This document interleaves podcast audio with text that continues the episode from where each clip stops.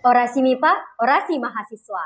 Kembali lagi bersama saya Asti Ayudia Pratiwi yang akan menemani kalian di beberapa menit ke depan dengan materi yang begitu dinanti-nanti. Nah, materi kita atau judul kita pada kesempatan kali ini yaitu Pentingkah organisasi? SK organisasi mau dibawa ke mana?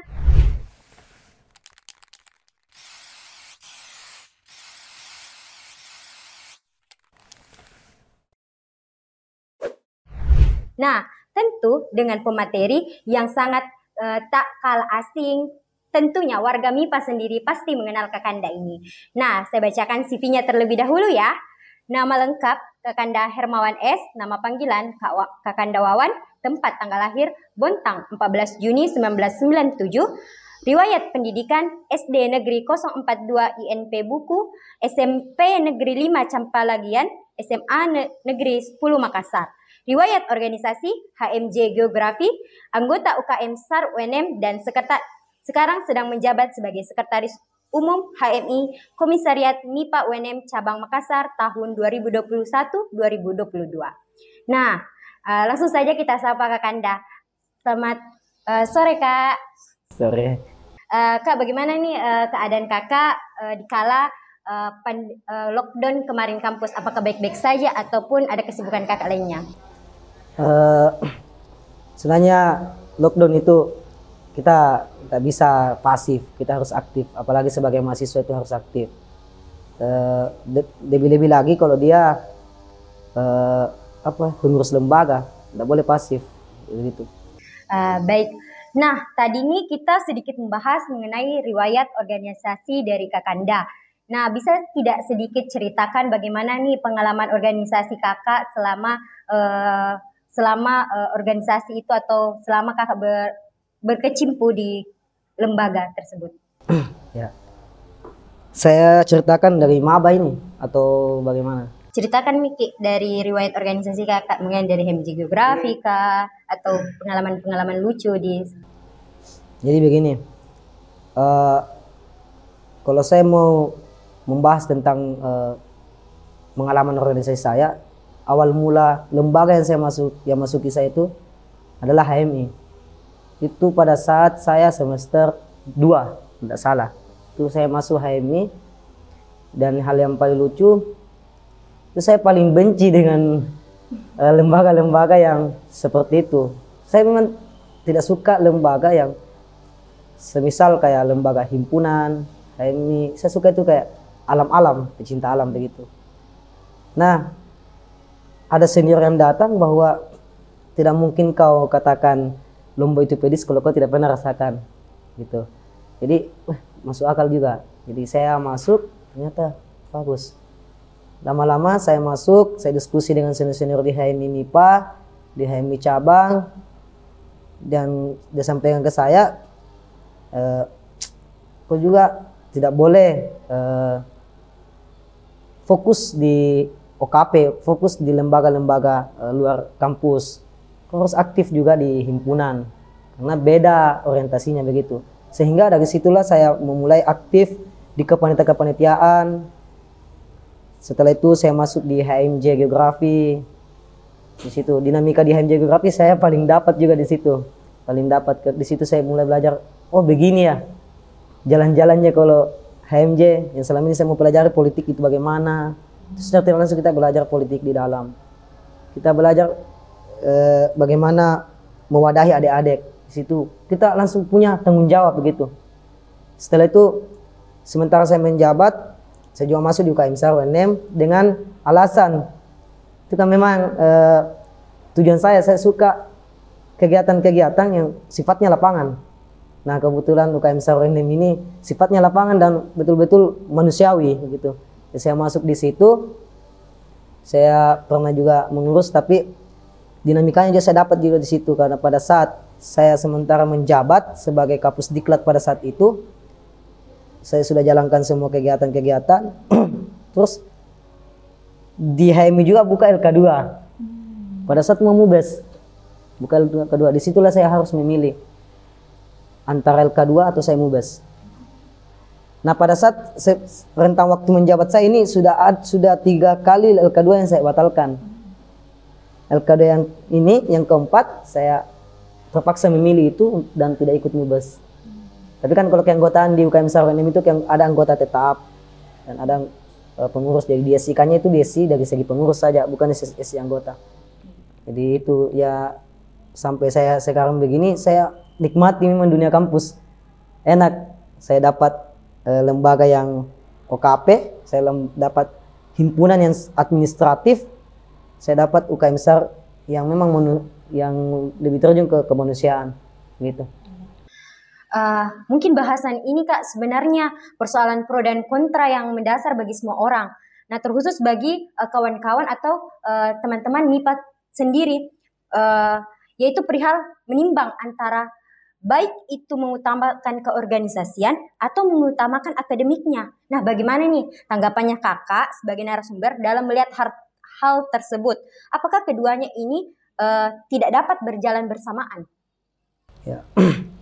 Sebenarnya begini, kalau saya mau berikan analogi, uh, sama halnya tas dengan isinya begitu.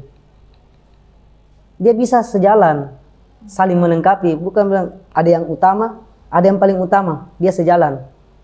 Jadi apa gunanya lah tas tanpa isi? Apa gunanya isi tanpa uh, wadahnya begitu? Ya begitu. Maksud saya begini, kita memang fokus akademik, fokus tapi ada sesuatu yang lebih penting didapatkan yang tidak didapatkan di akademik, itulah di organisasi. Ini sangat penting ini. Karena di mana pun ketika kita selesai, basic-basic organisasi yang paling dibutuhkan. Kalaupun tidak dibutuhkan, suatu saat kita yang membutuhkan itu basic. Misal kita pernah jadi sekum, kita uh, masuk di instansi, tanpa kita dididik secara langsung bagaimana persuratan dan lain-lain, itu kita sudah tahu basicnya di organisasi atau paling tidak public speakingnya sudah kita dapat begitu. Sedangkan akademik itu ya ya saya pernah katakan begini, oke okay lah kita akademik, kita kuasai misal ilmu fisika, geografi, kimia, tapi bagaimana menyampaikan itu kita tidak dapat didaktiknya kalau anu kita tidak dapat di ruang perkuliahan, kita dapat itu di organisasi secara tidak langsung. Uh, tapi kan seperti ini kak, apabila uh, misalnya kita berjalan bersama, tapi namun fakta yang didapat di lapangan bahwa tidak semua orang atau kawan-kawan MIPA yang mendengarkan pada kesempatan kali ini tidak sama semua manajemennya. Kadang ada yang cenderung ke organisasi, bahkan cenderung ke akademik. Mereka sebenarnya ingin melakukan keduanya, tapi lagi-lagi terhalang di manajemen. Bagaimana sih uh, kakak menghadapi, apakah pernah menghadapi masalah tersebut seperti uh, dilema antara akademik dan organisasi? Uh, saya tidak pernah hadapi hal seperti itu. Yang saya hadapi dilema antara lembaga yang satu dengan lembaga yang lain. Hmm. Tapi lembaga antara lembaga dengan akademik itu tidak. Hmm. Uh, apa namanya? Manajemen waktu memang penting. Kuliah jam sekian. Tidak mungkin kita kuliah 24 jam. Pasti ada waktu yang disisakan untuk lembaga. Begitu.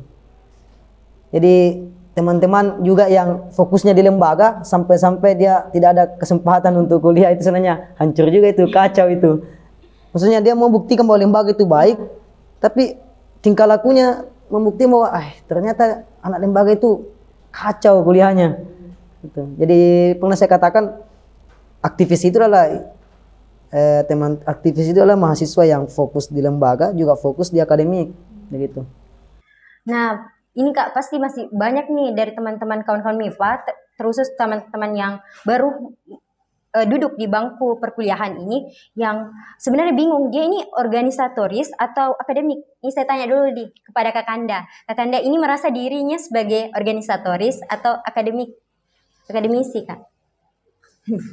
Perlu di garis bawahi perbedaan antara akademik dengan akademis. Akademik itu ya itu yang orang perkuliahan. Kuliah pulang kuliah pulang. Fokus kuliah. Dan itu kita tidak bisa juga dipermasalahkan itu.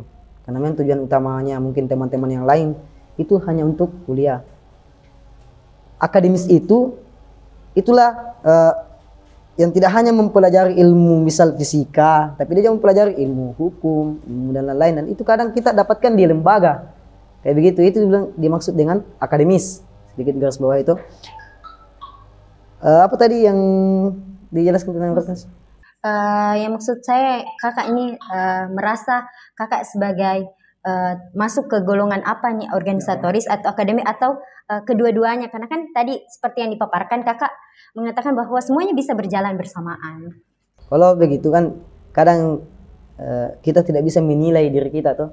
Yang nilai itu ya teman-teman sekitar apakah saya ini organisatoris, akademis atau aktivis. Hmm. Itu makanya kalau persoalan menilai kita tidak bisa karena uh, penilaian yang sebenarnya kan orang lain. Meskipun sebenarnya kita katakan kita aktivis, kalau orang lain tidak. Organisatoris, orang lain tidak begitu. Nah, kemudian ini Kak.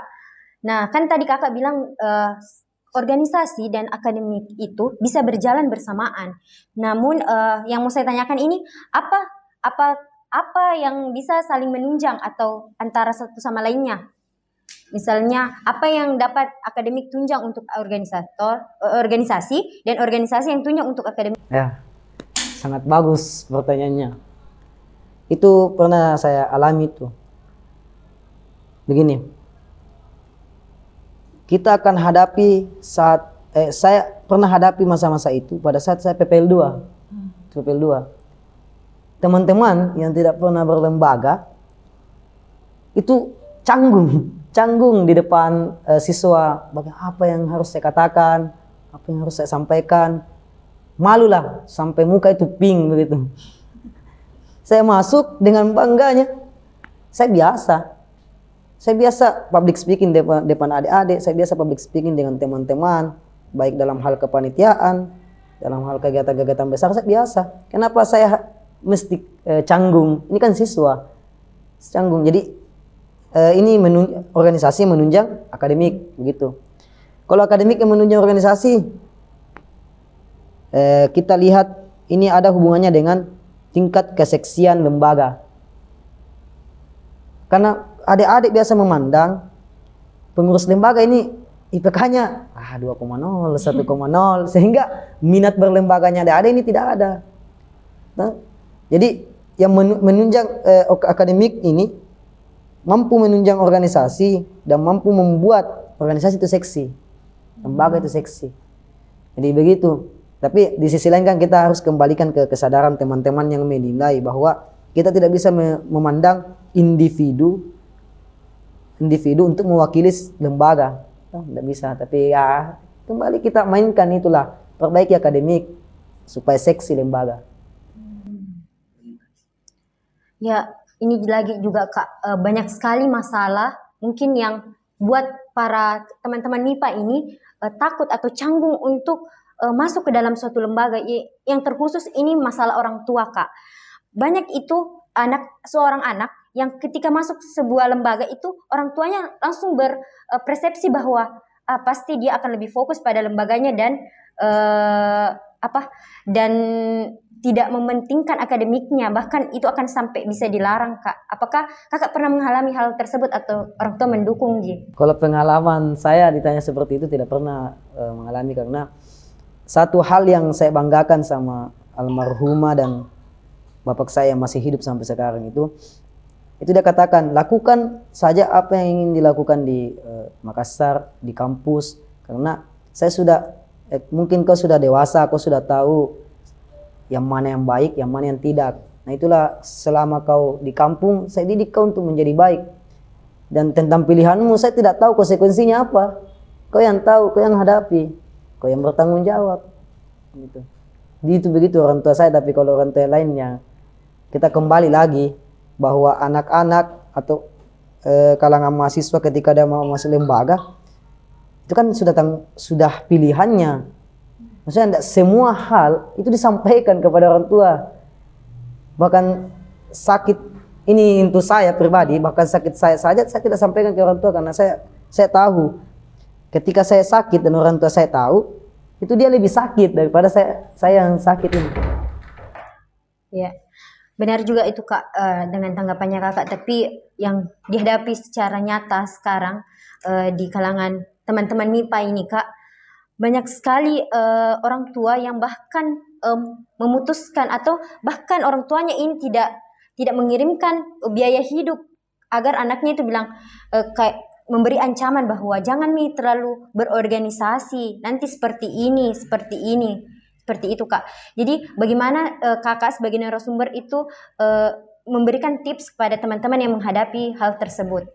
Nah begini pertama kalau memang ada niat untuk masuk berlembaga ya laksanakan. Tapi kalau memang niatnya sudah tersampaikan ke uh, orang tuanya ya ikuti kata orang tua toh. Jangan sampai menyesal kemudian hari. Ya.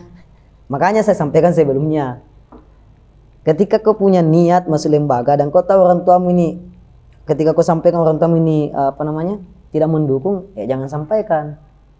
Kan tidak masalah kalau orang tua tidak tahu selama hal yang kau lakukan selama di kampus masuk lembaga itu hal-hal yang baik tidak masalah yang masalah ketika kita memilih sesuatu yang tidak baik kemudian kita tidak sampaikan sebelumnya ke orang tua Nah, selama ini kan tidak ada lembaga yang mendidik anggotanya kepada hal yang tidak baik. Itu. Betul sekali, Kak. Uh, dan ini juga Kak banyak sekali nih mungkin teman-teman MIPA ini uh, mungkin lagi Kak yang ada kan sekarang samanya uh, COVID. Jadi teman-teman maba ataupun yang baru masuk di dunia perkuliahan itu rata-rata tinggal bersama keluarganya di Makassar dia tidak kos. Jadi yang menjadi masalah utama itu terkendala untuk masuk atau terjun ke dalam lembaga itu uh, yang tidak diizinkan sampai kegiatan malam. Dan kita bisa juga lihat kak, kampus sekarang tidak bisa kegiatan malam, padahal kegiatan lembaga sebenarnya uh, banyak kita lakukan di malam hari. Ya. Jadi uh, bagaimana sih kak kakak melihat kondisi sekarang yang orang tua tidak bisa mengizinkan kita sampai malam, begitupun dengan kampus.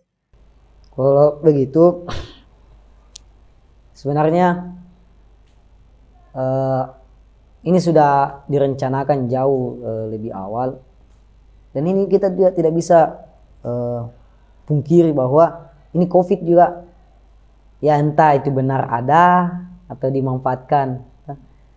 Nah, persoalan bagaimana dengan uh, dunia kampus dalam lingkup kampus, lembaga-lembaga yang ada di dalam kampus, kegiatannya yang dibatasi sampai malam.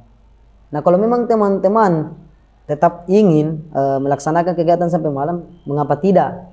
Kalau memang dilarang, mengapa tidak melawan? Tapi kalau memang tidak mampu melawan, ya kita manfaatkan waktu sedikit, sedikit itu. Jadi jangan persulit, gitu. Kalau kita tidak bisa melawan, tidak bisa bersatu untuk melawan himbauan-himbauan seperti itu, ya kita manfaatkan saja itu waktu. Kembali lagi tergantung dari niatnya. Ya. Nah, uh, kan uh, kalau Kakanda melihat nih, bagaimana sih kesadaran uh, teman-teman MIPA atau warga MIPA ini dalam berso bersosialisasi dan maupun berorganisasi itu sendiri, Kak? Sosialisasi dalam segi sosialisasi maksudnya uh, mahasiswanya itu uh, lebih lebih apa ya? Lebih dalam artian Kak, dia tuh lebih sering bersosialisasi, tidak kuliah pulang, tidak kuliah pulang. Kan di sini maupun berorganisasi, Kak seperti kayak misalnya dia itu uh, kesadarannya warga MIPA untuk senantiasa uh, saling berdiskusi ataupun mengikuti kegiatan-kegiatan kajian kak. Iya, iya, iya saya paham. Uh, kebiasaan-kebiasaan kajian, diskusi, entah diskusi di bawah pohon, diskusi di gazebo, diskusi dalam sekret, itu kayak seakan-akan sudah menipis, menipis. Dan ditambah lagi dengan kegiatan uh, kampus merdeka hmm. begitu. Itu bisa dibahas di sini kak? Iya kak silahkan. Jadi ada pan, ada sedikit saya lihat ini kampus merdeka memang hal yang paling bagus. Wow keren memang. Karena membuat mahasiswa itu tidak lagi sulit untuk selesai. Lebih sulit untuk selesai. Jadi Cuman di sisi lain, seakan-akan ini mahasiswa itu memang diusahakan untuk uh, keluar di wilayah kampus. Nah kalau memang teman-teman menganggap bahwa mahasiswa atau lembaga itu kulturnya atau budayanya adalah budaya kajian, ya sulit untuk dilaksanakan seperti itu. Kalau ditambah lagi dengan COVID, kampus merdeka, karena kan ada KKN, hmm. begitu. Tapi di sisi lain kampus merdeka juga bagus memang karena di eh, apa namanya dijamin dengan 20 SKS. Ya kembali lagi ke teman-teman lembaga bagaimana Tapi kadang juga teman-teman lembaga yang eh, yang seperti itu juga yang malas kajian. Jadi sebenarnya jangan kita cap adik-adik, jangan kita cap eh, warga MIPA itu malas kajian. Kita kembalikan ke lembaga masing-masing. Apakah di dalamnya memang eh, masih pertahankan budaya kajian atau tidak? Diskusi atau tidak? Ataukah malah menciptakan konflik antar lembaga? Nah, biasa begitu. Benar kak. Nah di sini kak eh, kan eh, SK keorganisasian itu eh, mungkin teman-teman MIPA ini perlu tahu bahwa eh, bagaimana sih seberapa penting sih itu SK keorganisasian untuk kita atau nanti setelah kita selesai menjadi seorang mahasiswa. Nah, pentingnya saya pernah diskusi dengan uh, senior-senior yang sukses di instansi-instansi, sukses di uh, misal di wilayah-wilayah uh, pemerintahan. Itu kadang diutamakan memang yang ada pengalaman organisasinya. Itu diutamakan salah satu poin uh, poin pendukung. Ada pengalaman organisasi. Nah, bukti dari pengalaman organisasi itu kan dibuktikan dengan SK seperti itu. Jadi penting sekali itu. Makanya uh, itu juga sih sebenarnya. SK memang penting sebagai uh, apa namanya bukti langsungnya. Tapi yang lebih penting itu pemahaman kita selama berlembaga. Buktikan juga jangan sampai kita hanya punya SK tapi kemampuan atau basic berlembaga itu tidak ada. Sama. Sama aja kali nol begitu. Ya itu juga sangat banyak kak karena banyak yang berkecimpung sampai dia diselesai uh, selesai atau di dimisioner namun tidak ada basic seperti itu dalam suatu lembaga. Dia cuma punya selembar kertas yang dinyatakan bahwa dia masuk lembaga. Gimana sih tanggapannya kakak terkait orang-orang seperti itu kak nah, sebenarnya se uh, orang seperti itu tidak dia tidak rugikan teman-temannya tidak rugikan uh, orang tuanya tapi sebenarnya kembali ke dirinya. Seandainya memang seperti itu, dia hanya membawa eh, selembar SK, ya sebenarnya dia hanya rugi di waktu. Sedangkan waktu kan bisa digunakan untuk belajar itu dalam lembaga. Kalau SK yang digunakan ya memang bisa dia pakai di instansi-instansi, tapi suatu saat dia akan uh, termenung. Kenapa saya dulu ndak tidak fokus member lembaga tuh begitu. Karena se adakah tidak suatu pekerjaan yang tidak dilaksanakan secara kelembagaan? Semua kelembagaan baik di sekolah-sekolah itu pakai kelembagaan. Tidak ada yang tidak kecuali ya dalam bertani pun kita pasti punya kelompok kayak begitu nah ini kak ada titipan pertanyaan nih dari kawan-kawan juga kak begini bagaimana sih peran sebuah lembaga dalam uh, memanage uh, eh, SK keorganisasian yang pelakunya atau pribadinya telah uh, di SI kan. Namun dia sudah memegang SK SK keorganisasian kak. Nah itu sebenarnya lebih apa namanya? Saya sudah dapat seperti itu dan saya tidak ambil SK saya. Memang saya anggap saya tidak selesai. Ada yang lembaga tuh, ada satu lembaga yang saya tidak selesai kepengurusan situ, saya tidak ambil SK-nya. Dan memang saya terima memang kalau saya tidak dapat SK, saya tidak selesai. Kita sudah di, dilantik, bersumpah satu tahun atau sekian bulan mengurus, ya kalau tidak sampai begitu ya saya tidak ambil, walaupun ada, meskipun ada. Ya akan kembali lagi ke internal lembaga apakah tetap memperadakan itu SK atau tidak. Itu. Tapi yang saya pandangan saya, SK yang saya maksud ya sesuai dengan eh, pelantikannya, dia periode apa. Kok dia tidak sampai di situ dan dia selesai berarti dia tidak selesai kepengurusannya. Itu kalau saya pandanganku, tapi memang kebanyakan di lembaga-lembaga itu dianggap selesai selama dia tidak cacat organisasi. Itu masalah juga. Jadi kembali ke internal lembaga dia mau berlakukan yang mana. Tapi kalau kesadaran individu ya lagi-lagi. Ya, baik. Uh, terkait SK organisasi maupun pentingnya organisasi uh, telah banyak kita bahas pada kesempatan kali ini. Uh, mungkin juga kawan-kawan, teman-teman MIPA yang mendengarkan pada kesempatan kali ini sangatlah uh, termotivasi ataupun dapat pencerahan untuk uh, memilih antara keduanya. Padahal akademik dan organisasi itu bukan pilihan melainkan ke, uh, bagaimana kita menentukan sikap dalam mengambil sebuah amanah yang telah kita yang telah diberikan kepada kita. Uh, tidak ada uh, salahnya mencoba keduanya dan tidak ada salah dari keduanya.